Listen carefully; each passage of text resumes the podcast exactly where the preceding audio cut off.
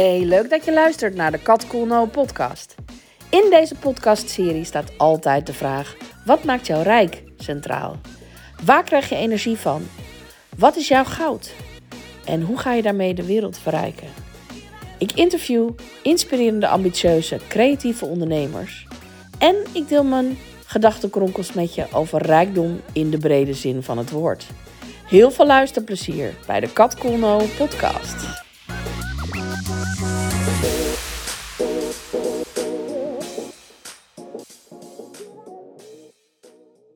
Welkom bij een nieuwe aflevering van de Kat Cool No podcast. En ik heb een hele toffe gast vandaag. En dat is Alice van der Lingen. Hey Alice, welkom. Hey Kat, leuk dat ik ben. Ik heb er zin in. Hey, tof. Wij, wij kennen elkaar echt al best wel lang.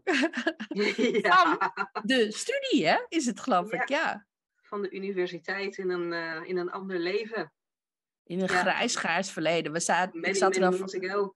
Ja. ja, over na te denken welk jaartal. eh maar zo ergens achter in de jaren negentig. eh, Ja.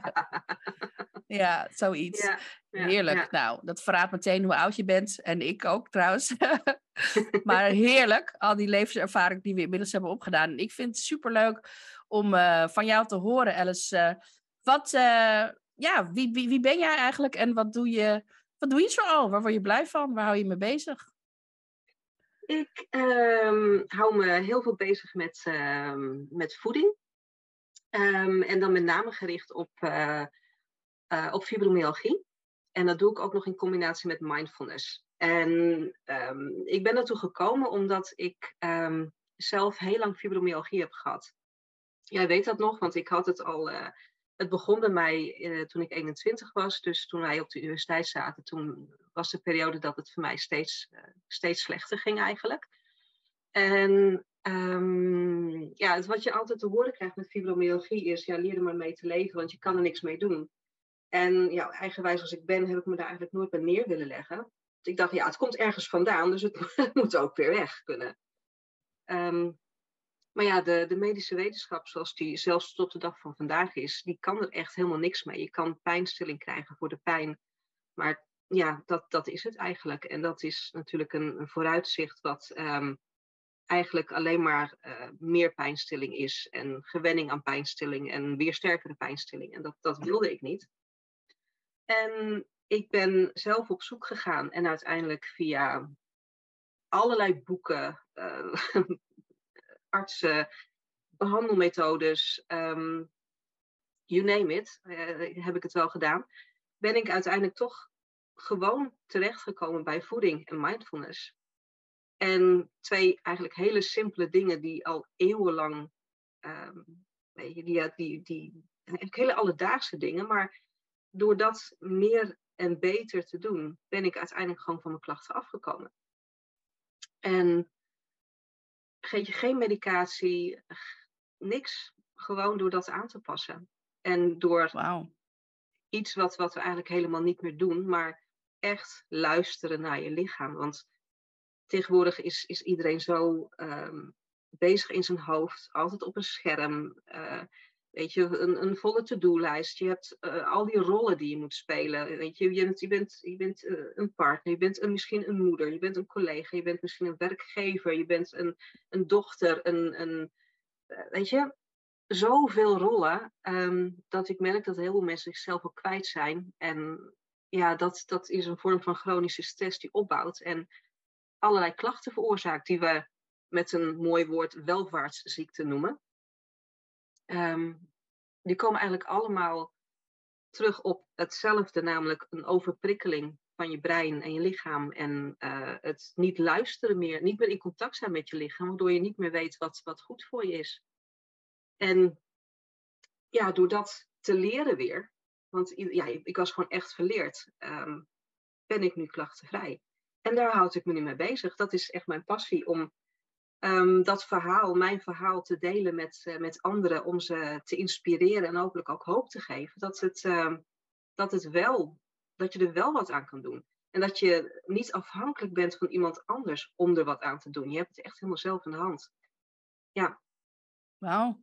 Maar eh, oké, ja, dat klinkt inderdaad heel inspirerend. En ook als, nou ja, dat ik denk van ja, ik geloof daar heel sterk in natuurlijk. In dat, uh, dat je zelf daar veel meer invloed op hebt dan je denkt. Mm want je hebt namelijk zelf, het is natuurlijk ook gekomen doordat je bepaald gedrag hebt gehad. En, ja. uh, maar ik zat nog heel even, ik bleef nog even steken bij wat is fibromagie precies? Want sommige mensen zullen dat misschien niet kennen. Mm -hmm. waar, wat, wat, wat voor klachten krijg je dan? Als je dat hebt? Fibromyalgie is, um, dat is een eigenlijk dat je chronisch pijn hebt en okay. chronisch vermoeid bent. Uh, dat zijn eigenlijk de twee hoofd, hoofdklachten. Um, die pijn zit vaak rond je, in je spieren en rond je gewrichten. Waardoor een, uh, het, het, uh, je moet voor een diagnose moet je ook naar de reumatoloog toe. Uh, want de pijn die je voelt lijkt op reuma. Maar het heeft helemaal niks met reuma te maken. Maar artsen noemen het nog steeds reuma. Ah, ja. Maar nogmaals, de, de, er is geen verband tussen reuma. Um, maar het is, het is een constante pijn. Um, het lijkt echt zenuwpijn. En het, um, het, het komt en gaat zonder duidelijke oorzaak. En het, het, weet je, stel dat je bijvoorbeeld doe je, je knie verdraait. Dan heb je op een bepaalde plek in je knie heb je pijn. En als je erop staat, dan doet het pijn. En rust je een tijdje, dan zakt de pijn weer. Dan loop je de trap op, dan komt de pijn weer terug. De duidelijke verband, oorzaak en gevolg. Uh, bij fibromyalgie kan het zijn dat je gewoon helemaal niks doet en heel veel pijn hebt. En vervolgens heb je een dag waarvoor je, waarbij je lekker een wandeling gaat maken met je beste vriendin en een hele leuke tijd hebt en zonnetje schijnt en dan heb je nergens last van. En het, het, het komt en het gaat. Het heeft heel veel te maken met, um, met ook je, met je emoties. Van hoe, uh, hoe ben je zelf bezig met je pijn? Hoe um, weet je, ben je bang voor de pijn? Ga je, maak je je zorgen over de pijn? Dat heeft ook een heleboel invloed op, op, op wat je voelt. Um, ja, dus het is een, een ziekte die, uh, of een aandoening eigenlijk, die, die heel veel voorkomt, toch wel. Op dit mm -hmm. moment zijn er ongeveer 350.000 mensen in Nederland die er last van hebben. Wauw. Um, maar die eigenlijk ook niet begrepen wordt. Want nee. als je zegt, ja, ik, ik ben gewoon ontzettend moe. Want ik dan ook heel vaak, ja, ik ben ook zo moe. Weet je, ja. ik, heb, ik, heb ook, ik heb één nacht slecht geslapen. Ja, ik ben ook heel erg moe denk ja, nee, je hebt geen idee, je hebt geen idee hoe dat het voelt. Nee, dat is. Ja. Um, dus het is vaak, um, vaak onbegrepen, omdat het duurt maar. Er zit geen, er is geen perspectief in de zin van, oké, okay, weet je, je, je hebt iets en dat, dat herstel duurt zes maanden en dan gaat het wel weer. Dit is continu, dus op een gegeven moment zijn mensen het ook een beetje zat, denk ik, om te horen van, ja, ik kan nou niet, want ik ben moe. Ik kan niet komen, want ik ben moe. Of ja, ik kan dit niet, ja. want ik heb zoveel pijn. Op een gegeven moment haken mensen daar ook op af, dus je wereldje wordt ook best wel klein.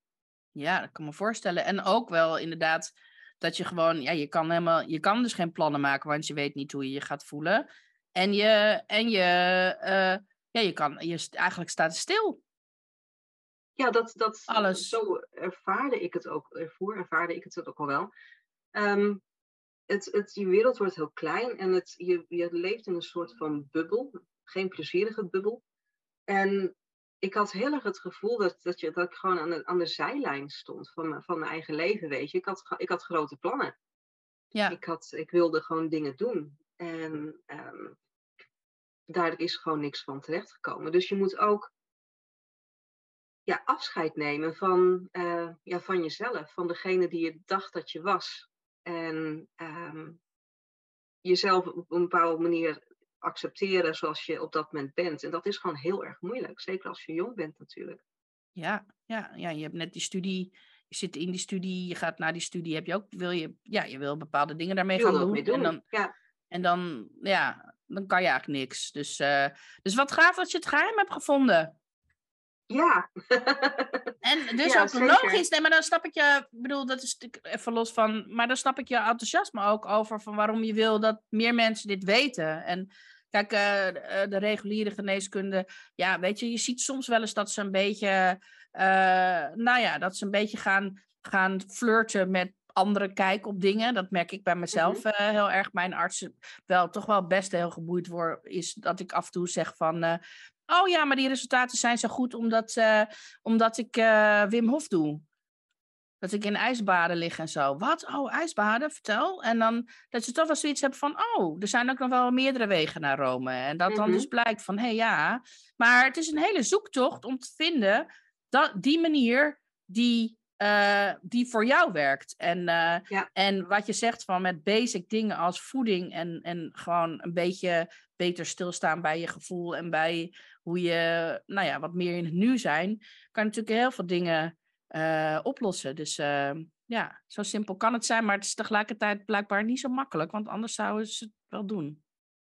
Het is heel simpel, maar niet makkelijk. Nee, het is. ehm, want je had het eerder ook al over gedragspatronen. Ehm, het, het, je houdt het zelf ook een bepaalde manier in stand. Weet je, voor mezelf, ik had. Er is bij toen ik heel klein was, is er gewoon een heleboel gebeurd. Waardoor ik bepaalde overlevingsmechanismes heb, eh, heb ontwikkeld. Waardoor ik heel erg aanpassingsgedrag had. Weet je, heel erg people pleasen. ehm, geen ruimte durven innemen. Weet je, ben ik wel goed genoeg? Dat soort dingen. Ehm, op dat moment helpt het je heel erg om je staande te houden, maar op een gegeven moment, weet je wel, werkt het niet meer. En dat aanpassingsgedrag, ehm, dat is bij mij in mijn jeugd, doordat wij heel vaak zijn verhuisd en ik heel vaak naar een andere school moest. Want mijn vader die, die werkte voor een bedrijf en uh, we konden op een gegeven moment uh, voor een aantal jaar naar Brazilië. En dat was heel erg tof. Maar dat betekende voor mij wel dat, dat continu mijn aanpassingsgedrag weer, weer, werd geactiveerd. Want ik moest me weer aanpassen aan een nieuwe situatie, een andere taal. Um, toen moest ik naar een andere school toe. Uh, en, en, en toen weer naar een andere school toe en weer verhuizen. En toen eigenlijk hals over kop, door bepaalde omstandigheden, hals over kop terug naar Nederland. Naar weer, naar weer een andere school en weer een ander adres. En dus eigenlijk is dat continu, uh, bleef dat geactiveerd, waardoor het. Ja, ik heb ook nooit eigenlijk de mogelijkheid gehad om dat uh, aan te pakken. Weet je, het, zakte nooit weg. Uh, en ja, en in, in Nederland uh, ook weer een paar keer verhuisd. Weet je, toen na de middelbare school ook weer naar het buitenland en weer terug. En het, het, het was altijd een. Um, want verhuizen of weggaan was op een gegeven moment zodanig een, een, een soort houvast voor mij, dat het echt continu, om de zoveel jaar verhuisde ik weer.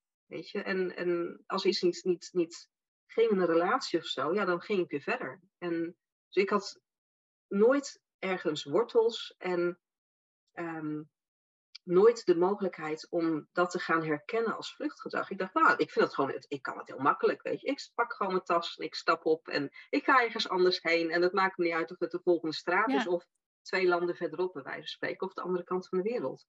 Ja, want dat ja. was waarschijnlijk je comfortzone. Uh, ja.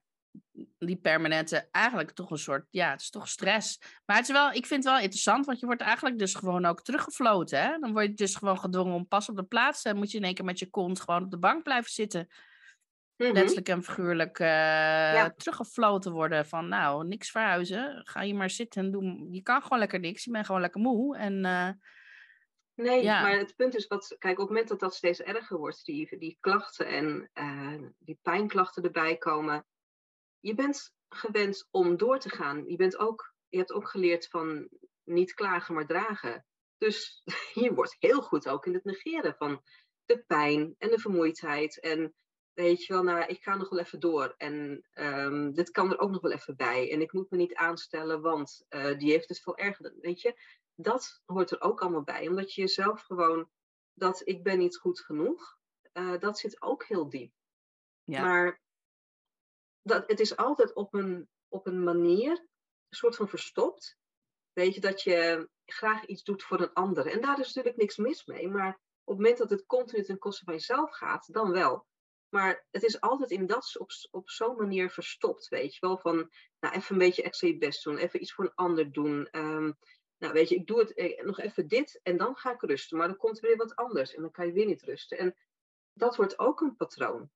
Ja. Alsmaar doorgaan en jezelf, en jezelf negeren. En op een gegeven moment kom je, weet je lichaam geen enkele andere manier meer om je, om je, je aandacht te trekken dan um, pijn. Ja. En op het moment dat je, dat je pijn krijgt en je dan rust, dan gaat je brein ook denken van hé, hey, dit werkt. Weet je, het, het, het, de pijn bij fibromyalgie heeft geen lichamelijke oorzaak.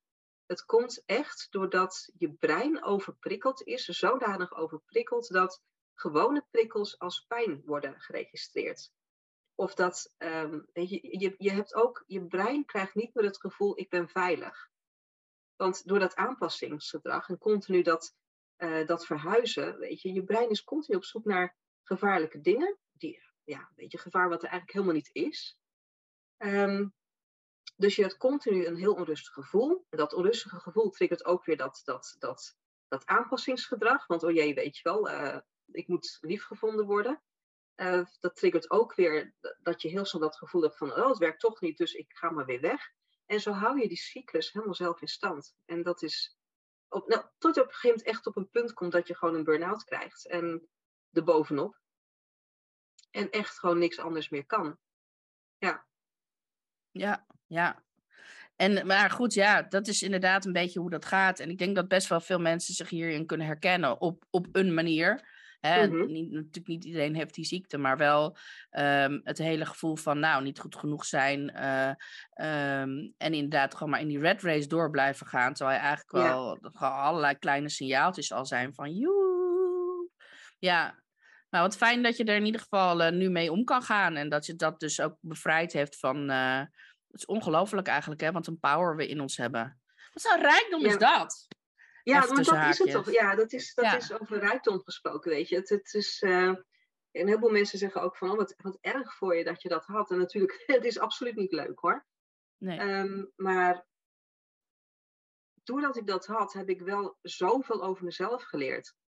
En je leert ook heel erg relativeren, weet je. En nu ben ik, nu dat ik weer een heleboel dingen gewoon kan, en wel naar mijn lichaam kan luisteren en wel een heleboel dingen kan doen, dat is voor mij zo'n rijkdom. Weet je, gewoon de dankbaarheid die je kan voelen en het, het waarderen van gewoon de hele simpele dingen. Gewoon lekker een, een, lange wandeling maken. En natuurlijk heb ik dan spierpijn, maar gewoon spierpijn zoals het hoort, weet je wel. Ja. Um, en dat, dat, dat is zo, zo onwijs fijn. En um, ik ben ook zo lang op zoek geweest naar van wat, wat moet ik nou, wat, wat kan ik nou doen, gewoon qua werk, weet je, wat, wat wil ik, wat kan ik, wat, wat, wat is mijn doel?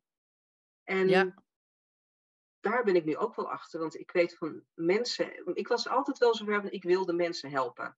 Hoe, dat wist ik dan niet. Um, dus ik heb het op verschillende manieren geprobeerd, dat met als massagetherapeut. Um, maar ja, dat was door, door die, die fibromyalgie ging dat ook heel moeilijk, want ik had zelf gewoon veel te veel last van mijn lijf. Um, toen um, ben ik meer met, met, me meer met voeding bezig gaan houden. En door alle dingen die ik las over voeding en de opleiding die ik heb gedaan, kwam ik achter dat, weet je, hoe plantaardiger en hoe meer onbewerkt je eet, hoe beter dat is voor je lichaam. En ik merkte ook, naarmate ik gewoon meer dierlijke producten liet staan, des te minder pijn ik had. En dus ik ben, dat, ik ben op uiteindelijk gewoon, ik eet gewoon plantaardig nu. En dat was al een groot deel van de klachten. Kon ik daarmee alleen al verhelpen. Gewoon puur door je eten te veranderen. Weet je, dat is ja, echt bizar, hè? ongelooflijk. Is echt bizar. En um, dus daar ben ik me toen op gaan richten. Van, ik kan met voeding kan ik gewoon een heleboel voor mensen betekenen. En laat, daarna kreeg ik. Um, ik zat toen in een baan waar ik echt niet gelukkig van werd. Ik werkte in de klantenservice en dat vond ik, ik had hele lieve collega's, hartstikke leuk, uh, leuk bedrijf, maar ik werd er gewoon diep ongelukkig van. En natuurlijk als, als je al overprikkeld bent, telefonische klantenservice, je, continu telefoon, dat, dat, dat is zo slecht voor je.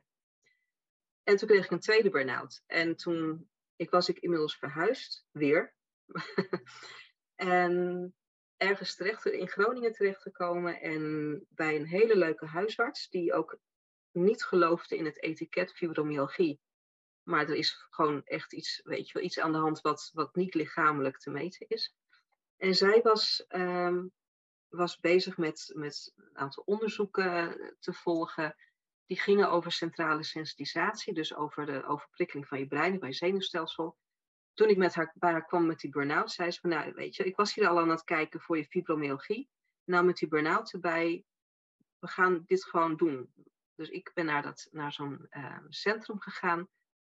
En daar hebben ze me uitgelegd hoe dat pijn in je, uh, werkt in je hersenen, hoe dat, uh, hoe dat zit met die overprikkeling. En, en met je gedragspatronen die dat zelf in stand houden. En toen ben ik daar heel veel meer over gaan lezen en, en seminars volgen en weet ik wat allemaal. En, maar eigenlijk binnen een, een aantal weken dat ik daarmee bezig was met echt die. Ik wist wel dat ik die gedragspatronen had. Maar hoe dat, dat dan, hoe dat het dan echt werkte, hoe dat dan echt in verband stond met fibromyalgie, dat had ik niet dat had ik, die link had ik nog niet gelegd. Dat, ik wist wel dat het met elkaar te maken had, maar hoe dan? Um, toen ik dat had, toen dat kwartje viel, toen had ik echt binnen een aantal weken, dat ik in één keer merkte van, ik heb die fibromyalgie klachten niet meer.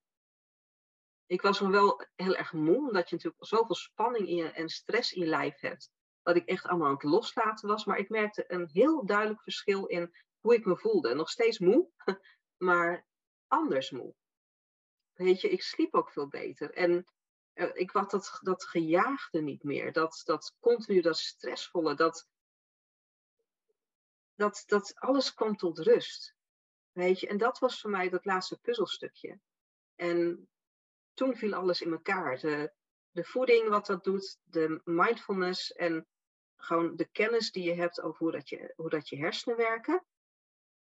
Dat is wat ik nu doe. Weet je, dat, is, dat pakketje is wat, ik, uh, wat voor mij de sleutel was om beter te worden. Ja, en daar coach je mensen mee? Ja, klopt. Dat, uh, ik heb sinds vorig jaar heb ik nou een eigen praktijk. En daar begeleid ik mensen inderdaad in die fibromyalgie hebben. En uh, dus met die drie dingen. En het, sommige mensen zijn al wel bezig met mindfulness, nog niet met voeding. Anderen zijn wel met voeding bezig, nog niet met mindfulness. Anderen doen van alles al wel een beetje, weet je. Maar ik, zorg ervoor, ik ben de stop achter de deur dat je ook daadwerkelijk dingen doet.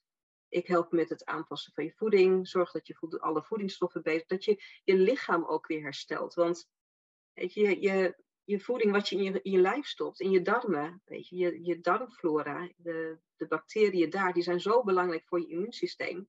Wat natuurlijk altijd onder druk staat als je chronische stress hebt. Dus de voeding is meer dan alleen waar je energie uithaalt. Het is de basis voor je immuunsysteem, je, je darmflora, voor zoveel hormonen, zoveel systemen in je lichaam die ervan afhankelijk zijn. Ja. ja. Mooi. Hey um, Alice, deze podcast gaat over rijkdom in de brede zin van het woord. Nou, jij noemt dan net al mm zo, nou ja, jouw rijkdomsgevoel. Um, maar het gaat ook over geld. En, uh, want rijkdom, ja, dat gaat, rijkdom is ook geld. Um, en wat heb jij van huis uit meegekregen over geld? Want je vertelt net het verhaal van je jeugd, dat je heel veel verhuisd bent en al die dingen. Maar wat, wat, wat, heb je ook een overtuiging over geld meegekregen vroeger? Ja, dat, dat, um, dat is ook wel iets waar ik me pas sinds kort heel erg van bewust ben. En dat is dat um, mijn, mijn grootouders hadden, die hadden het niet breed, het was gewoon een arbeidersgezin. Daar is mijn moeder ook in opgegroeid. En um, ik ben ook wel heel erg opgevoed met, je moet altijd heel zuinig zijn. Je moet altijd heel erg, je moet goed kunnen sparen. Je moet goed nadenken over wat je met je geld doet. Uh, dus wel altijd het. het um, en mijn, mijn ouders verdienden niet slecht. Weet je, mijn vader had een goede baan. We konden op vakantie. Ze hadden eigen huis. Mijn moeder werkte erbij. Gewoon puur voor de leuke dingen. Maar het was wel altijd um, beknibbelen op. Of tenminste, niet beknibbelen klinkt misschien negatief. Maar zo goedkoop mogelijk de boodschappen doen. En uh, geen nieuwe auto, we kopen wel een tweedehands. Uh, of een derdehands of een vierdehands, weet je, een oude auto. Um, dus het was, het was wel altijd uh, zuinig zijn, voorzichtig zijn. Hm. Het was, er was niet echt een tekort, maar wat je had, moest je heel voorzichtig mee zijn. En altijd hm. hard werken. Dat, dat um, ja, en, en eh, neem jij daar nog, nog iets van mee in, in het nu? Um, uh, als je nu geld hebt, waar, waar geef je het dan graag aan uit? Geef je het uit? Of ben je heel voorzichtig? um, ik, uh, ik probeer er nu wat makkelijker mee om te gaan. Omdat, ja, weet je, mijn financiële situatie is nooit echt rooskleurig geweest. Omdat ik al die jaren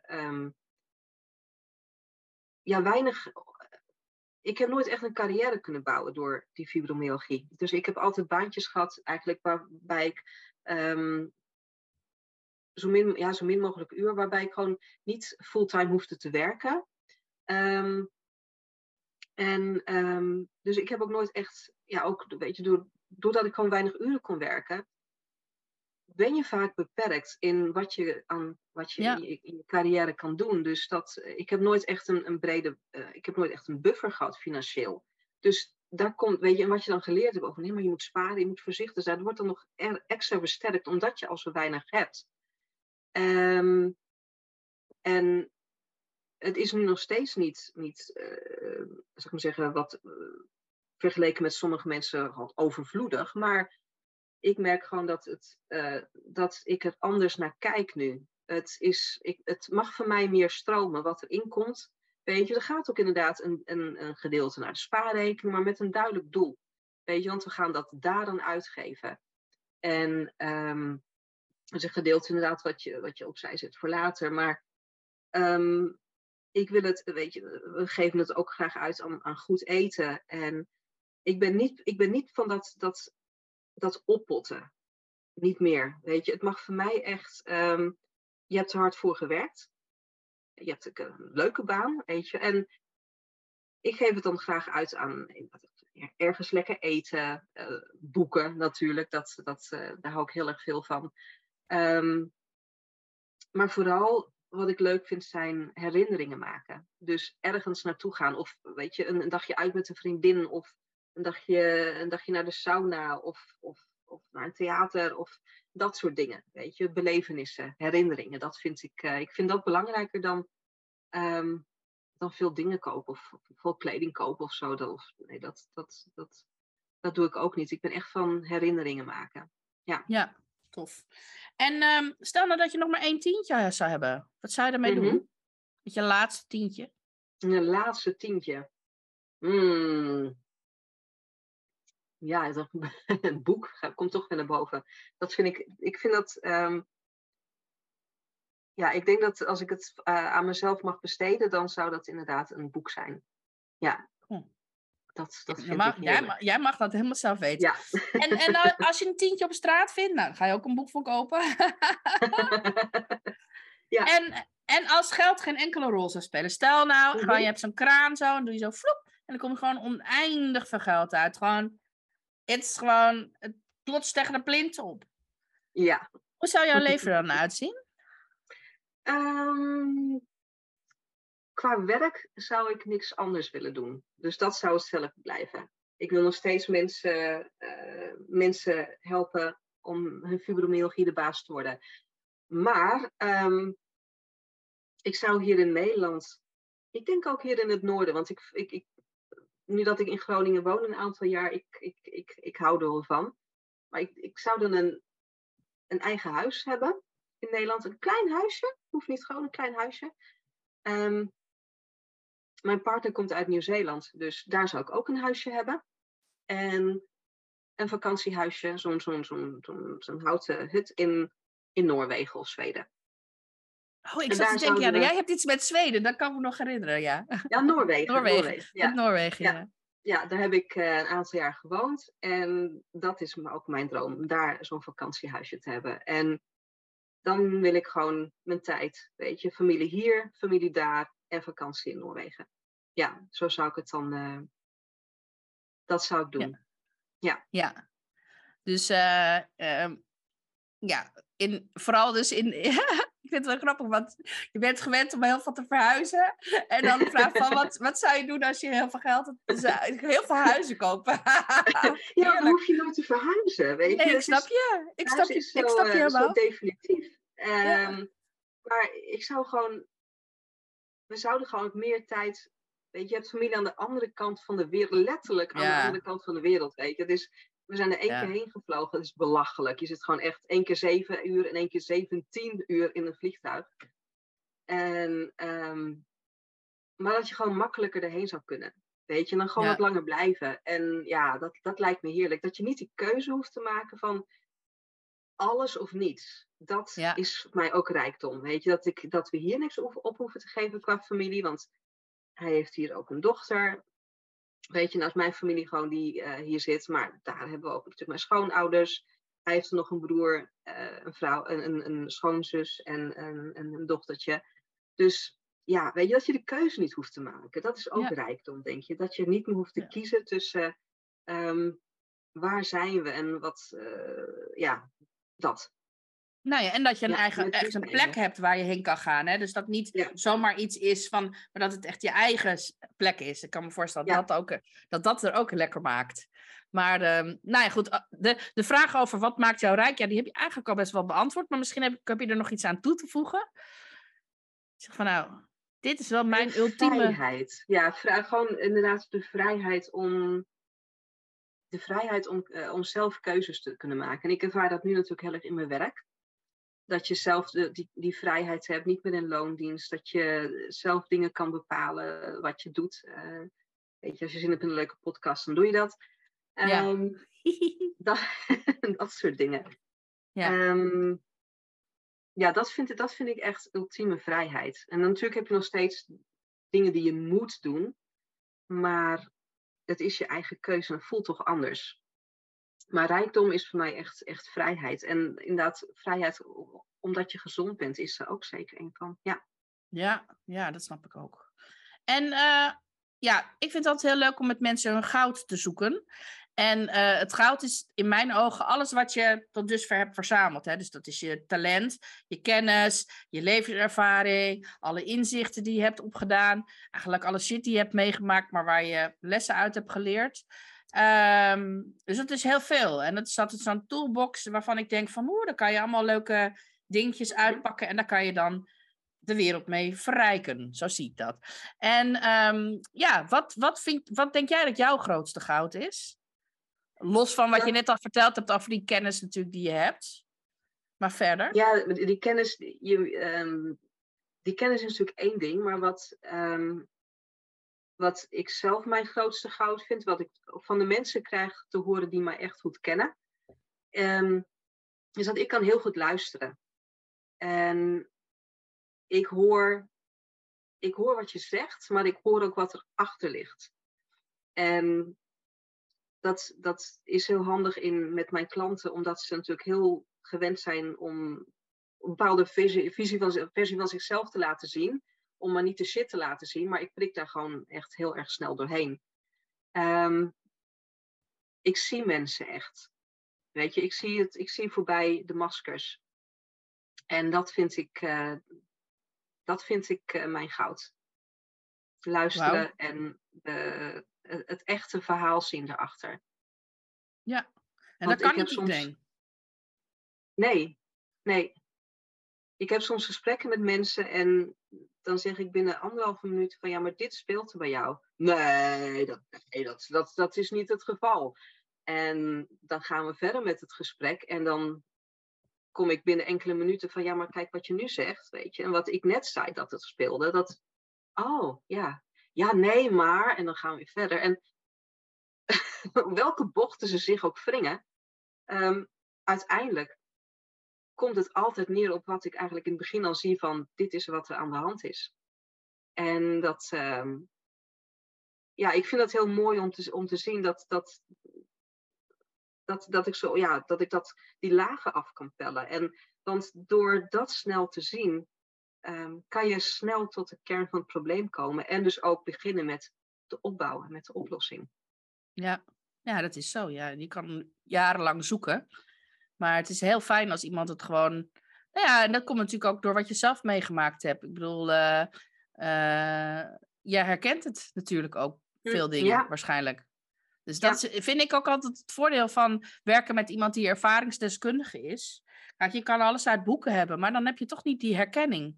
Want je hoort gewoon ja. die verhaaltjes die mensen vertellen over dingen die herken je omdat je ze zelf waarschijnlijk vroeger ook ooit wel eens gebruikt hebt. Of weet je wel, de smoesjes, de dingetjes. En soms ga je ook gewoon echt in zo'n verhaal geloven. En het is heel fijn als er iemand komt die even een spiegeltje houdt van, joe, hallo, zie je wat hier gebeurt? Ja, dus, uh, precies ja, dat. Ja. Nice. Mooi ja, goud. Dat is, uh, dat is precies wat er aan de hand is. Ja, dat, en dat is ook fijn. Dat, je, je houdt mij wat dat betreft niet snel voor de gek. ja, ja, ja, ja, je, hebt, ja. je hebt nog een goede bullshit radar. Zoals dat oh dat ja. altijd leuk. ja. hey, en we hadden het al eventjes over boeken waar jij heel veel van Mhm. houdt. En ehm, ik vroeg me af, ja, dat is bijna, on- ik denk dat dat onmogelijk is voor jou om te kiezen. Maar wat zou jouw favoriete boek zijn en waarom eh, is dat dan jouw favoriete boek? Ja, ik vind dat net zo'n vraag als wie is je favoriete kind als je er meerdere hebt. Weet je wel. Ja, ja, ja. Oké. Ja. Maar is er een Ehm, boek wat, wat, wat voor jou bijvoorbeeld verschil heeft gemaakt? Wat je gelezen hebt dat je dacht, wow, mind-blowing. Ja, het is. eh, eh, eh, ik denk als, als ik echt terugdenk aan het eerste boek, wat, wat voor mij ehm, ook spiritueel gezien o- echt een eye-opener was, dan is dat denk ik toch De Alchemist van Mm. Paulo Coelho. En ik heb daarna echt, de hele bibliotheek leeggelezen wat, wat hem betreft. Ehm, dat was voor mij echt een eye-opener. Ook omdat dat, dat, gewoon dat gegeven van je hebt een pad te volgen. En je kan op allerlei manieren kan je afwijken van dat pad, maar dan zal er ook altijd weer iets gebeuren wat je terugbrengt op dat pad. En op een gegeven moment, toen ik het boek herlas, want ik heb het voor het eerst gelezen, toen was ik begin twintig. En vond ik het heel mooi en het kwam ook echt heel erg binnen. Maar toen ik het herlas, toen dacht toen jaren verder en wijzer en meer levenservaring, dat je terugkijkt en denkt, oh, ja, ik, volgens mij begin ik een pad te zien.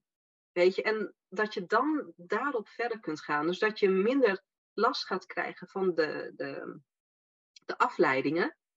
En dat je je pad gaat ontdekken. Van wat is dat dan? Weet je, en voor mij was dat. ehm, ik, ik zag dat het voeding was, maar ik snapte nog niet precies op welke kok worden. Of weet je wel, eh, een foodtruck beginnen. Wat moest ik doen? Ehm, maar gaandeweg kwam er ook steeds meer dat ik wil zorgen voor. Dat zorgzame heb ik altijd al gehad. Het, het zorgen voor mensen, het mensen helpen.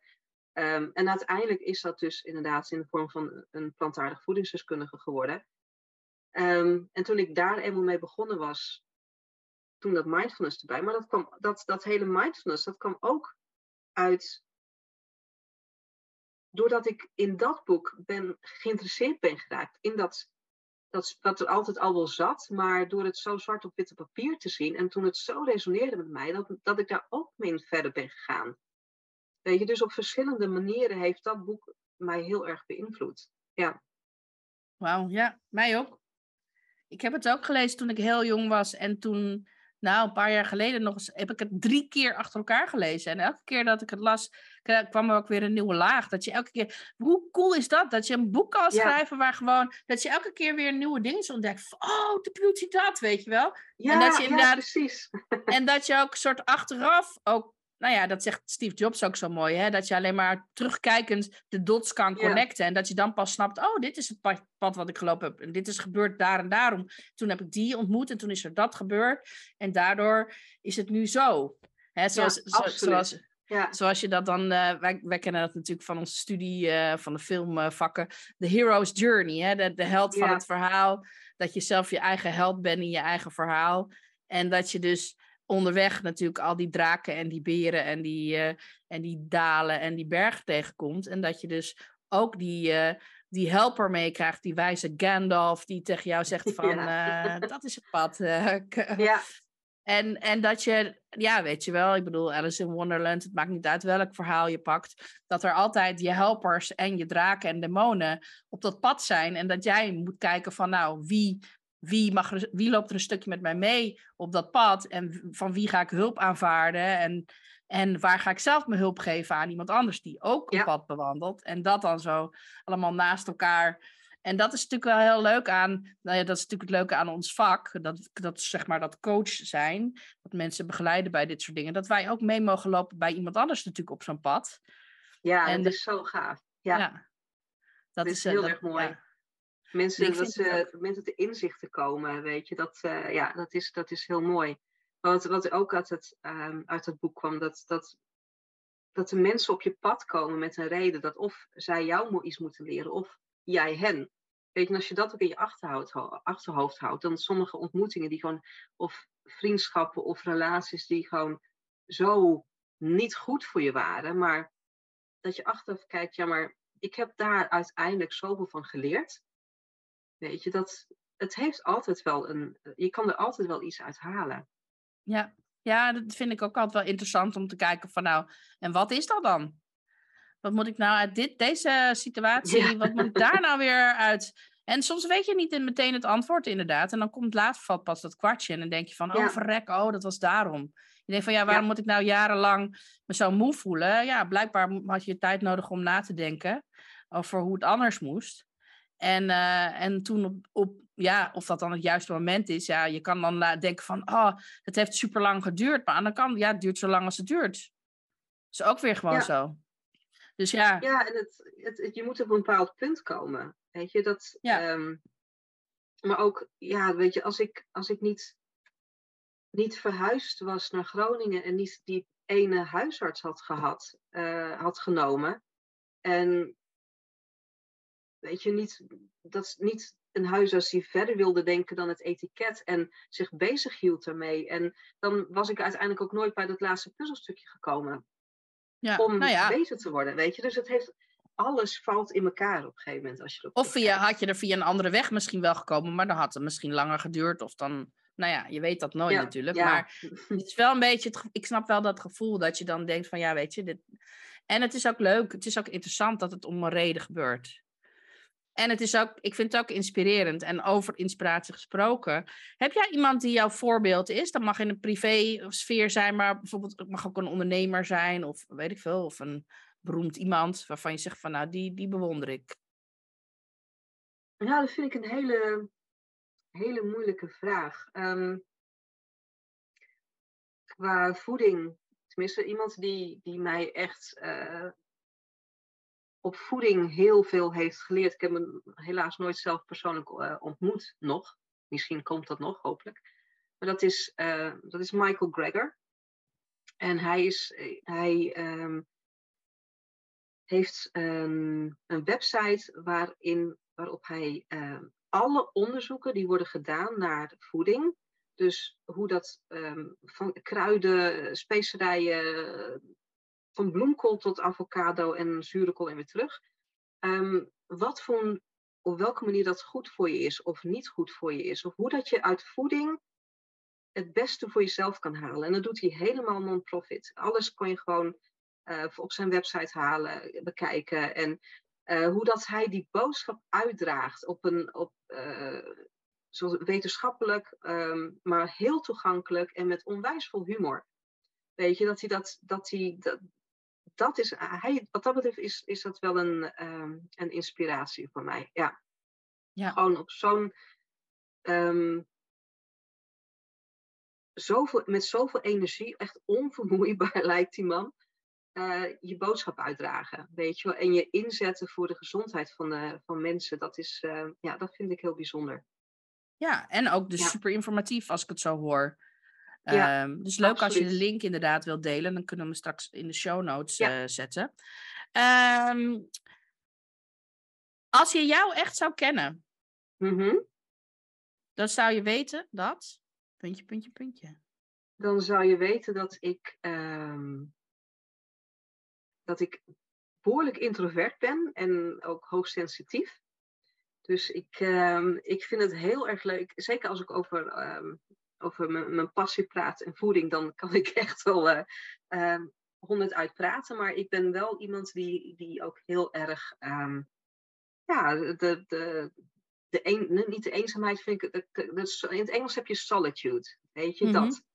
Dus um, eenzaamheid, maar op een fijne manier, even alleen zijn en, en opladen. Dat, dat heb ik echt, uh, echt nodig. En ja, dat het HSP-gedeelte, ik, ik de meeste mensen hebben echt een, zeg maar zeggen, een muurtje om zich heen dat, ze, dat zich uh, beschermt van andermans emoties. Nou, ik heb nog niet eens een drempel, weet je wel. Ik, ik, ik kom aan, bij komt alles binnen.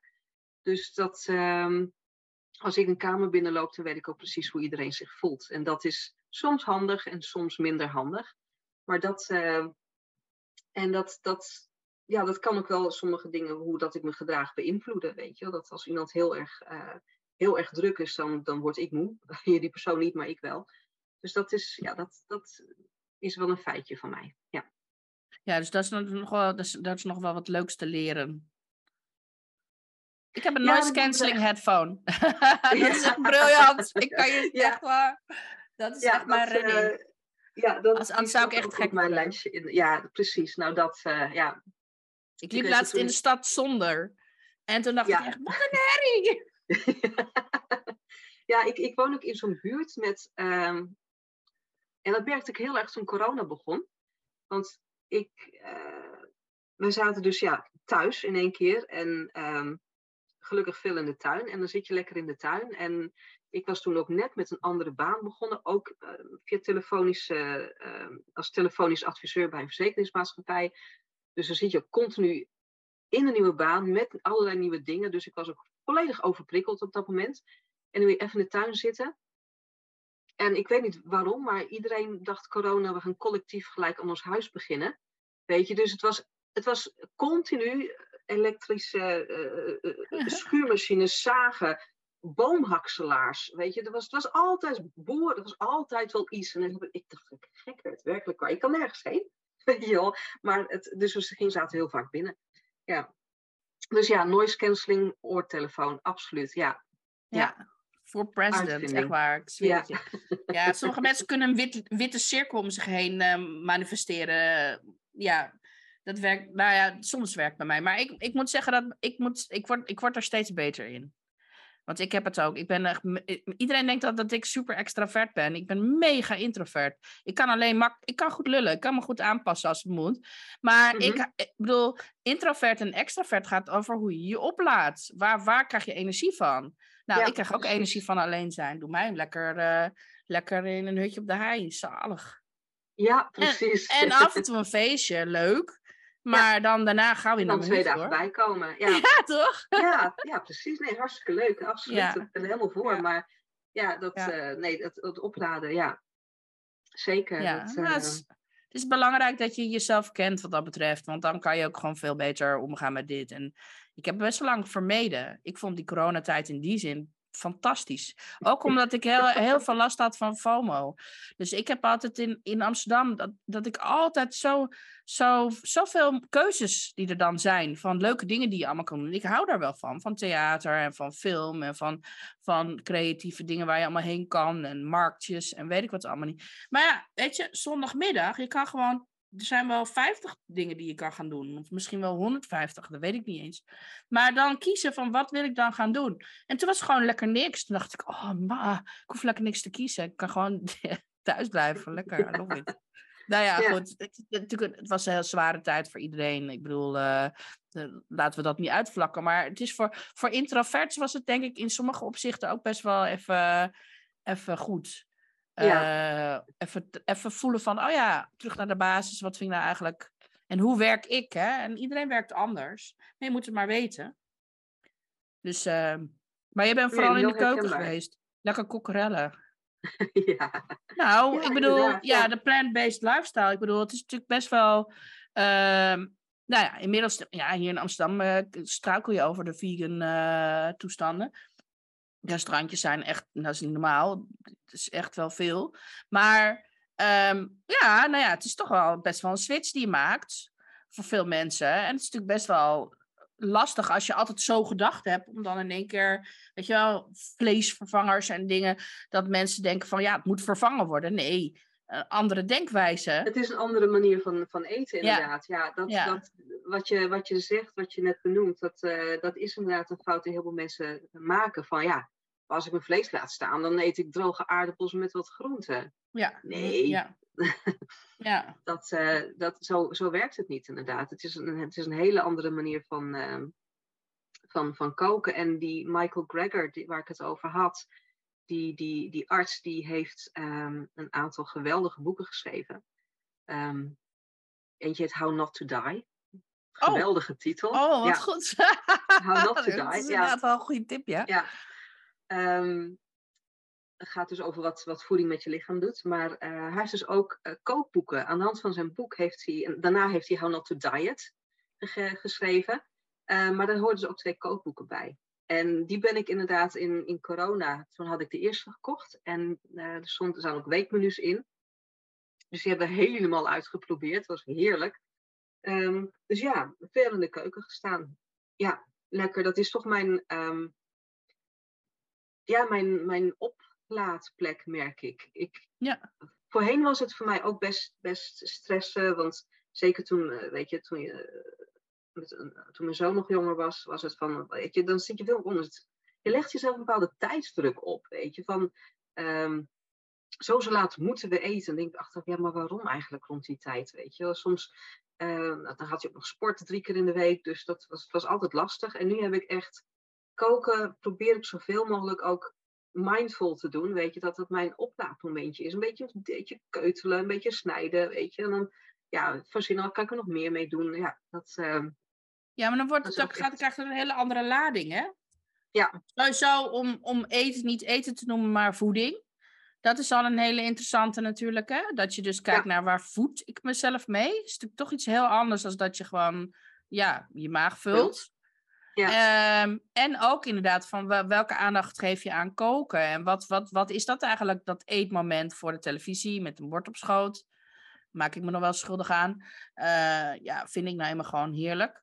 Maar gewoon wel het, zeg maar, het koken en wat ga je dan eten? Uh, welke smaakjes? Ik ben heel erg op smaakjes. Ik hou heel veel van kleine hapjes met allemaal verschillende smaakjes. Dus dat ding.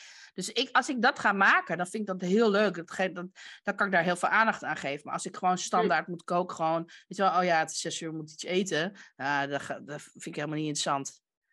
Dus zo moet je ook kijken naar wat voor jou natuurlijk werkt. En ja. wat, wat, wat, weet je, want je, ja, en je moet er ergens je inspiratie natuurlijk vandaan, vandaan halen. Maar dan ook vervolgens kijken van nou, weet je, bijvoorbeeld inderdaad, welke tijd eet je? Ja. Ja, maar en waarom? Ik heb soms wel zo'n vijf uur, denk ik, nou, nu heb ik trek. En ja. uh,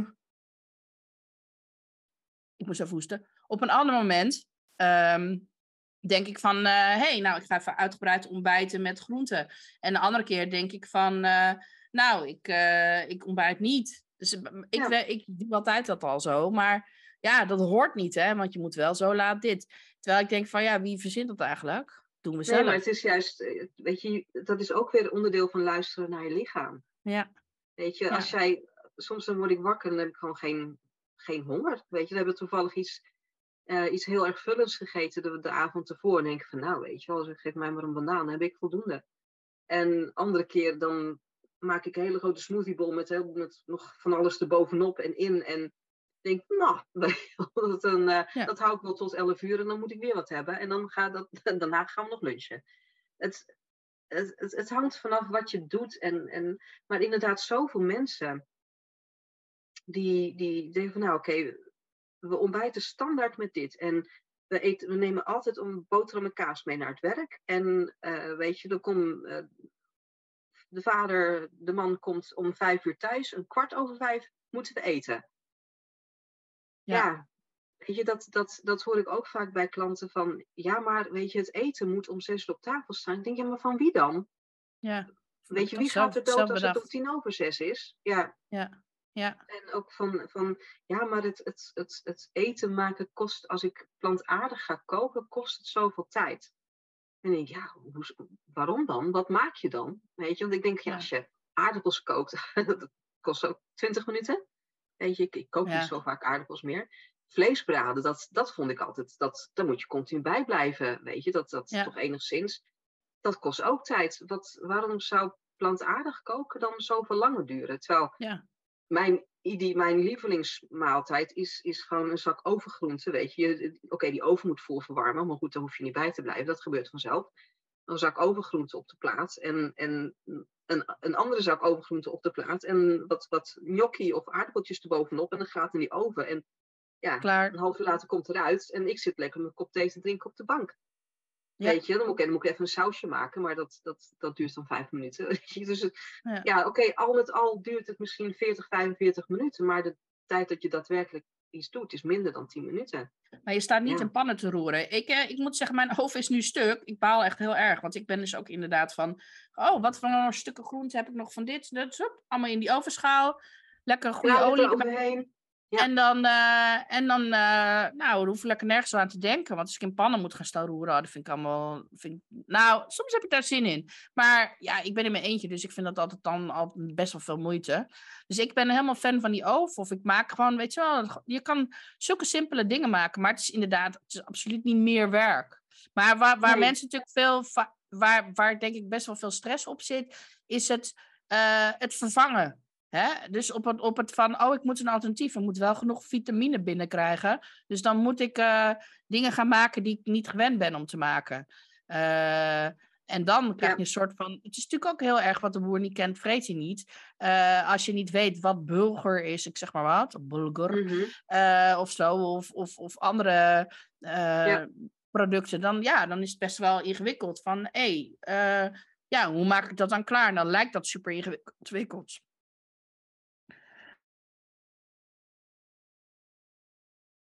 Ja, het lijkt heel ingewikkeld. Um, en ik denk dat mensen het in hun hoofd ook heel veel groter maken dan het daadwerkelijk is. En um, ik doe het dan echt, ik pak het ook dat die overgang. Weet je, als je, ze moeten van mij niet allemaal 100% plantaardig gaan. Maar ik probeer ze wel inderdaad door gewoon door informatie te geven, vertellen waarom ik ze dat aanraad. Weet je, dan, willen ze, dan gaan ze wel een groot deel uh, over. In ieder geval veel meer groente, veel meer fruit. Um, maar dat doen we gewoon in kleine stapjes, weet je. We beginnen met het ontbijt. Hoe, wat kan je in je ontbijt veranderen? En um, gewoon simpele dingen ook die je heel makkelijk kan vervangen. En andere dingen die je, ja, je moet misschien een keer een blender gebruiken, weet je. Nou ja, dan, dan ben je twee minuten met die blender bezig. Um, het, het valt eigenlijk achteraf, valt het ze allemaal heel erg mee. En um, ik, ik, ik, ik gooi er soms ook aparte, ja, aparte recepten niet, maar met ongewone ingrediënten, laat het zo zeggen, weet je wel. En um, om de rest van de familie mee te verrassen, zou ik maar zeggen. Dus bijvoorbeeld uh, uh, maken met avocado's, weet je. Veel kinderen vinden avocado's helemaal niks. Maar dat is een, ik heb een recept en dat is, dat is van die echt, echt pure chocolademousse bijna, weet je. En dat is zo lekker, maar dan eten ze wel een avocado in plaats van, van eiwitten en room en suiker, weet je. Um, ze merken het verschil niet. En dat is ook leuk, dat je uiteindelijk gaandeweg leren ze dan ingrediënten in een heel ander licht te zien. Weet je, je kan, ik, ik ben echt een kaaskop. Ik vind kaas verschrikkelijk lekker. Dat was ook het moeilijkste om te laten staan. Maar ik kan nou bijvoorbeeld van cashews kaassaus maken. Wat ook heel simpel is. Weet je? En ja, je hebt ingrediënten die je normaal, die de meeste mensen niet in een, in een, in een, in een keukenkastje hebben staan. Maar het zijn ingrediënten die je, als je, die je dan veel vaker gaat gebruiken als je ze eenmaal koopt. Weet je? Dus of je nou alleen maar peper en zout koopt, of je koopt wat meer kruiden en wat edelgisvlokken en cashews. Ja, het, het, of je pakt een, een, beetje een, een zakje voor de saus. Of um, je maakt hem helemaal zelf. Dat is voor, voor veel mensen een. Uh, ja, het is even een manier van omdenken. Maar als ze het eenmaal doen, dan denken ze: joh, ik hoef die zakjes ook niet meer, want het, uh, het is ook niet meer lekker. Ja. Dat is ook inderdaad absoluut het ding, is dat je gewoon moet wennen aan van hé, hey, het is gewoon, het is gewoon een andere manier. Ja. Maar als je eenmaal gewend bent eh, daaraan, ja. En het dan kan het net zo boeiend zijn. Weet je? Veel mensen die, die, uh, die, die gooien, ik zou maar zeggen, die willen, we gaan nu plantaardig en vegan eten, gooien ze alles uit een koelkast. En in één keer wordt alles anders. Nou, dat hou je een week, anderhalf vol. En dan, dan trek je het niet meer. Het is gewoon te, te anders in één keer. Maar als je het, weet je, um, ik doe in één week, pak ik dan uh, ontbijt aan. En dat, afhankelijk van hoe snel je veranderen, één of twee weken, weet je, gewoon gaandeweg allerlei dingen veranderen. En dan doen we diner. Leer een heleboel dingen over hoe je dat anders kan doen. Maar wat ik ook vaak doe, wij zijn met z'n tweeën, maar ik kook echt voor een heel weeshuis. Maar zeker bijvoorbeeld als ik curry maak, nou, als je, weet je, dan blijft er altijd over. Dan hebben wij de, lunch daarna, als we allebei thuis zijn, hebben we heel lekker curry voor de lunch, weet je. Dat wordt alleen maar lekkerder als het een dag staat met al die kruiden die erin staan. Um, nou, lunchpakje aan. En we hebben dan ook snacks en snaaien, weet je wel. Gewoon, je hoeft ook niet, het hoeft niet altijd, uh, altijd maar gezond. En uh, je mag ook echt wel lekker eten en koekjes maken en taarten maken. En dat zit, zit er allemaal bij. Bruine bonen ja. brownies. Oh ja. Mm. Dat ja. je denkt van, ik moet er niet aan denken aan het idee. En toen had ik ze gemaakt. Dacht ik, zo, dat is, dat is lekker. ja. Ging ik aan een vriend laten eten. Die vond het, ik dacht, ik zeg niet wat het is. Want anders gaat hij het niet nemen. Oh, dat is best wel lekker. Ik zei, ja. Bruine bonen, wat? ja, achteraf, hè. Ja, achteraf dan is het van, gadver, Darry. Ja, ja, nee, dat... Uh, ja, maar dat is wel leuk, leuk om daarmee te experimenteren en uh, nou ja, andere mensen daarop te inspireren. Ehm, wat, ehm, wat zie je? Ik zit, ik zit een beetje. Ik had een hoesbuitje net. Vandaar dat je denkt: van wat zit ze nou te slikken? ik had een hoesbuitje net.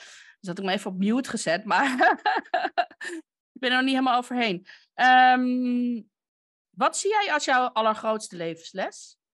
Of wat is jou voor jou? Nou ja, je hebt het eigenlijk al een beetje verteld, maar uh, misschien heb je nog een aanvulling.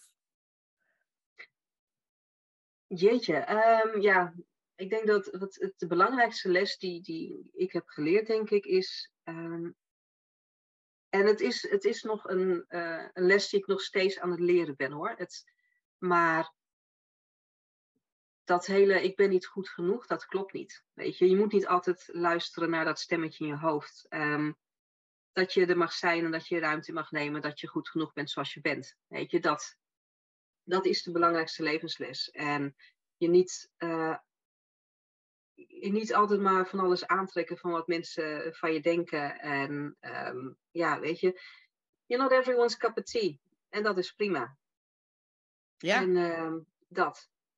Ja, en dat is ook. Um, um, ja, dat is, dat, dat is de levensles die ik het fijnste vind om te leren, omdat die mij het meeste heeft gebracht. Want daarin zit eigenlijk al het andere uh, in. Weet je, goed voor jezelf zorgen, uh, naar, je, naar je lichaam luisteren, rust nemen, leuke dingen doen, me-time, een baan hebben die, uh, waar je blij van wordt. Dat komt er allemaal in voor, omdat het allemaal gaat om het jezelf gunnen. Ja, ja. 100%. Ja, absoluut. Ja. ja, en het is natuurlijk ook een basisangst. Hè? Het is, er zijn volgens mij eigenlijk maar twee basisangsten. Hè? En eentje is dat niet goed genoeg zijn. Het is best ja, wel komt, heavy. Ja het komt natuurlijk omdat, weet je, mensen zijn kuddedieren. Als je, en we zijn natuurlijk uh, opgegroeid als, ja, weet je, we, we komen het, de, zoveel tienduizenden, ik weet niet eens hoe, nou echt heel lang geleden, maar dat uh, zijn we ooit begonnen als een, als een, als een groep uh, ja, mensachtigen in, in de binnenlanden van Afrika, weet je wel, als, als groep. En als je, daar was je van afhankelijk. En als je buiten de groep viel, dan liep je gevaar. En dat, dat, weet je, wij zijn inmiddels wel geëvolueerd naar, naar de mensen van de 21ste eeuw. Maar onze hersenen zijn dat niet. Onze hersenen zijn niet geëvolueerd. Dus, het, is, het is op een bepaalde manier wel geëvolueerd, maar die basis, dat oerbrein, hebben we ook nog steeds. Dus dat buiten de toon vallen, dat, dat valt niet goed bij een heleboel mensen. Dus dat, dat is die basisangst inderdaad. Ja, dat is best logisch, inderdaad. En uh, ja, nou ja, en daar moet je dan een soort... Uh mee meeveren of zo, of een beetje mee leren omgaan. Dus dan kom ik op mijn thema, mijn thema uh, nou naast rijkdom en uh, goud, uh, veerkracht. Ja. Um, wat, is, wat is voor jou veerkracht en kan je dat leren? Wat is voor mij veerkracht? Um, ik denk, ik dacht vroeger altijd veerkracht gewoon echt kracht was. Weet je, op, op, op puur op kracht ergens doorheen komen. Um, en ik denk dat, dat, je, dat je dat op sommige punten best kan helpen. Weet je, absoluut. Die manier van veerkracht. Maar ik denk dat veerkracht, uh, wat ik, zoals ik het nu zou omschrijven, is. Um, ik denk. Leren van. Het accepteren dat niet altijd alles zal gaan zoals je wil. Uh, er zullen teleurstellingen zijn en je kan leren van die teleurstellingen. Die teleurstellingen kunnen ook iets moois opleveren. Dus ja, dat is weer heel mindful natuurlijk. Um, mm -hmm, ja. Maar acceptatie en, en, en dankbaarheid, dat is denk ik veerkracht. Um, ook blij open blijven staan, ook al gaat dat niet altijd goed. Je, je hart open houden, dat is, uh, ja, en niet ten koste van alles en vooral van jezelf in, in, in zo'n geval. Uh, alsmaar door blijven gaan en net doen alsof het je niks doet. Want dat, dat deed ik eerst. Uh, ja, oh nee, maakt niet uit, joh, dat komt goed. En weet je, dat, uh, ja, maar dat het oké is dat je soms teleurgesteld bent of boos of verdrietig en dat, dat te laten zijn. En kijken van, oké, wat kan ik hiervan leren? En of vergeven, loslaten en gewoon weer verder gaan. Ja, ja. mooi. Um, we komen nog heel even terug bij, uh, bij de boeken. Nou ja, mm -hmm. en alle andere dingen die jou inspireren. Wat lees, luister en kijk jij op dit moment? Um, ik lees op dit moment uh, het nieuwste boek van Suzanne Smit, De wijsheid van de heks. Dat vind ik een geweldig boek. Dat, uh, daar voel ik me ook wel in thuis. Ik, ik denk dat, dat mijn vriend, vriend noemt me ook altijd uh, een groene heks, omdat ik altijd bezig ben met kruiden en uh, weet je, medicinale kruiden en, en, en, en dat soort dingen. En ja, het zit ook een beetje natuurlijk in de voeding, weet je. Wat, wat, werkt, voor je, wat werkt goed voor je lichaam en uh, maanstanden, dat soort dingen. Vind, vind ik mega interessant. Dus dat, ik, ik vind dat ook wel... Uh, vind het een heel leuk geschreven boek. En ook um, qua vrouwengeschiedenis is het heel interessant over, over de heksenvervolgingen en wat dat eigenlijk inhield. Dus dat heel interessant. Ja, dat, uh, ik heb nu al zin om vanavond weer, uh, weer verder in te gaan. Wat luister ik? Um, qua muziek is het, een, is het de laatste tijd lekker jaren tachtig. mm. Dat, uh, ja. Um, de, um, mijn zoon die, die stuurt nog wel eens van die Spotify-links. Dus, oh man, moet je nou eens luisteren. Ik heb nou wat gevonden. En daar zit, ik, ik vind zijn muzieksmaak geweldig. Er zitten uh, echt van die hele onbekende beentjes tussen, weet je. En dan luister je muziek en nummer en denk oh, even het hele album luisteren, weet je. Dat is gewoon hartstikke leuk. We hebben vrijwel dezelfde smaak. Uh, en af en toe dan stuurt hij dingen van denk van, oh mijn god, je heeft hier een van de jaren tachtig iets ontdekt. En dan komt Modern Talking ineens voorbij. Of Tarzan Boy, weet je wel. Die heerlijke dingen. Mijn eerste um, single. Tarzan Boy. nou, dat weet je wel. Ja. En, um, uh, dus het is heel grappig dat hij dat soort dingen ook heel leuk vindt. Um, uh, maar waar ik heel veel naar luister de laatste tijd, dan is, kom ik ook ik heb ook kaartjes voor een concert. Dat, um, over twee weken. Oh, vandaag over twee weken. Uh, van Iver. Dat is een, um, een zangeres uit de Faroe-eilanden. En die zingt in het Faroese. Faro... Geen idee. Die taal ieder geval. Faroes. Ja. Um, of in het Engels. En zij heeft echt een. Uh, als je de. Heb je die serie gezien van The Last Kingdom op Netflix? Nee. Nou, zij heeft, zij heeft in ieder geval het, het intro gedaan. Het is een beetje, ja, het is, het is hele, ze heeft een hele mooie stem. Het is een beetje aparte muziek, een beetje Björk-achtig. Oh ja, ik, uh, kan de sfeer wel raden hoor, ja, want nou, ik weet waar die eilanden liggen. Dus, ik, ik vind haar echt geweldig, echt de moeite waard om, om eens op te zoeken. Dus daar luister ik op dit moment veel naar. ik vind Muse geweldig. Um, ja, mijn muzieksmaak is echt, echt heel breed. Dus ik, ik word overal wel blij van. Dus het hangt een beetje van de moed af, maar op dit moment Iver. Um, en qua ja, podcasts. Ik ben, ik, ben, ben niet, niet zo heel uh, echt podcasts aan het luisteren. Ik ben, hoewel ik dat ook wel een tijd heb. Ik wissel een beetje tussen podcasts en um, een blinkist heb ik ook. Dus dat oh, is zo'n app waar je, uh, waar je boeken kunt luisteren, maar dan de verkorte versie daarvan, zou ik maar zeggen. Dat vind ja, is ideaal. Uh, ideaal, ja, had je een tijd tekort. Dus dat, uh, dat luister ik vaak als ik... Tof. Um, ja. En kijken dus The Kingdom? oh, The, La The, Last Kingdom, ja, dat is, dat ja. is wel aanraden. Dus als je van, van de, de viking-tijd houdt. Maar um, op dit moment zijn we... Zijn we? Oh ja, Bodyguard zijn we aan het kijken op Netflix. Even kijken, maar... Wat, uh, ja, ik vind, ik vind Cobra Kai geweldig. Ken je die? Heb je die gezien? Dat is er, ja, dat gebaseerd op de Karate Kid van vroeger. Ja, dat is echt oh. Ja, oh, ja, ja, die is ja. echt heel erg leuk. En um, ja, we hebben alleen Netflix. We, hebben, we zijn een beetje in... in, in uh, we willen graag andere series ook kijken. Ik ben heel erg fan van, van alle, een hele Marvel Universe ook. Maar dan moet je Disney Plus en voor anderen heb je weer Amazon nodig en dan weer HBO. Ja. En op een gegeven moment denk ja, genoeg. weet je, dat is uh, genoeg. Ja, dus dat, uh, ja. En een van mijn series die ik heel erg leuk vind om te kijken, die ik binnenkort weer helemaal ga herkijken, is, is Sherlock van de BBC. Ook een echte aanrader. Ja. Cool. Ik, ik vind het altijd leuk dat je aan iemands... Uh uh, smaak ook een beetje kan zien van, nou, wat vind je leuk, inderdaad? Wat, wat, wat zegt het over jou? Het is toch wel, ik vind het toch altijd grappig hoe dat, ja. hoe dat dan uh, toch weer ook weer inzicht geeft. Um, maar goed, we zijn aan het eind gekomen van het gesprek, uh, bijna. En ik vroeg me af of jij nog um, advies hebt voor de luisteraars, of een tip, of een mooie quote die je wilt delen, of nou, iets, inspiratie.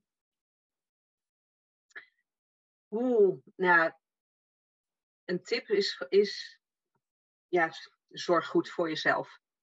Weet je, en ehm, dus natuurlijk een, een, aan de ene kant een enorme dooddoener, maar ehm, wat een heleboel mensen niet doen gedurende de dag, is uh, zo. Is um, een paar keer per dag, al is maar vijf minuten, even geen schermen. Want heel veel mensen die, die je, dan zijn ze op hun werk. Ze de hele dag achter de laptop en dan hebben ze even pauze, gaan ze continu achter hun telefoon. Um, weet je, zeker ook als je met openbaar vervoer dan ook nog naar huis gaat, dan zit je dan ook de hele tijd op je telefoon. Dus je bent continu, uh, krijg je schermen en prikkels en of een beetje muziek of wat dan ook. Gun jezelf, gun je brein gewoon even een paar keer per dag, al is maar twee, drie minuten, even helemaal niks. Zoals jij met je noise cancelling uh, headphones, weet je, ideaal. Maar gewoon, je brein heeft echt die rust nodig. We, zijn, we, we kunnen niet, er zijn geen uh, multitaskers, dat, dat zouden we graag willen, maar dat zijn we niet. Je brein heeft echt gewoon rust en regelmaat nodig. Dus dat is een tip die ik, uh, die ik mensen kan meegeven. En een van mijn favoriete quotes is: um, Life is not about waiting for the storm to pass, but learning to dance in the rain. Dus als het, um, weet je, dingen kunnen soms heel, heel triest lijken of heel um, niet wat je, wat je wil. Maar probeer er altijd probeer altijd dat gouden randje te vinden. Of die silver lining, weet je, of, of, of iets wat je, wat je blij maakt. Want hoe dat je dingen ervaart, heb je vaak ook zelf, je kan daar invloed op uitoefenen. Door de manier waarop je er naar, kijkt, weet je. En sommige dingen zijn gewoon echt heel erg verdrietig. Maar um, dat wil niet zeggen dat je overal om moet lachen, maar je kan er vaak wel lessen uithalen of toch ergens iets positiefs uithalen. Ja. ja. Mooi, mooi om mee af te sluiten. Waar kunnen mensen jou vinden? Op Instagram is het Eten met Alice. Hetzelfde op Facebook. En mijn website is ook www.etenmetalice.nl. En op de website kun je ook een, um, een, gratis gesprek inplannen. Als je een keer met vragen zit over fibromyalgie of voeding of wat dan ook. Je zegt van nou ja, hey, ik heb gewoon even een paar vragen, wil ik even met je over sparren kan altijd geheel vrijblijvend. Dus ik zou zeggen, doe dat vooral. Of stuur me even een berichtje via Instagram of Facebook. Cool. We zetten de, de linkjes in, uh, in de show notes bij de podcast, dus dan kunnen ze je allemaal vinden. Hey Alice, dank je wel voor dit gesprek en voor je mooie inspiratie en het delen van jouw, uh, ja, stuk van jouw levensverhaal. Graag gedaan, het was echt superleuk om dat met jou te doen. Ja, thanks. En voor de luisteraars, dank je wel voor het luisteren en... Uh, tot een volgende keer. Ciao!